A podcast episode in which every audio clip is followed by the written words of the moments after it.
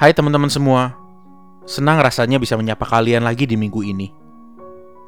Ternyata capek ya teman-teman kalau punya perasaan sama seseorang, tapi kita nggak bisa ungkapin apa yang kita rasain ke orang itu.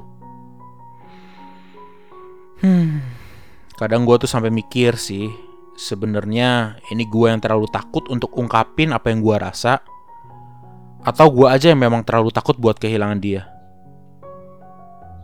Kadang gue juga mikir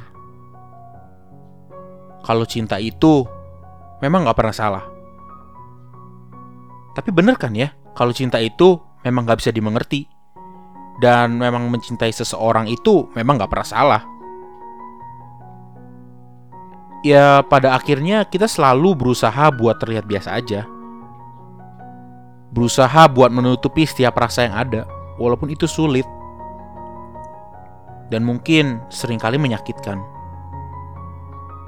Tapi mungkin itulah romantisme hidup yang terkadang harus merasakan luka yang begitu dalam.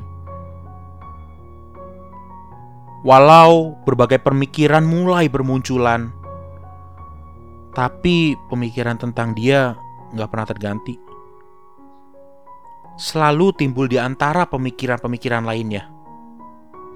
Memang aneh hidup ini saat kita mulai merasakan yang namanya cinta, mengapa keadaan dan situasi selalu nggak pernah bersahabat? Apakah ini ujian untuk memperoleh cinta yang sejati? Kalau iya,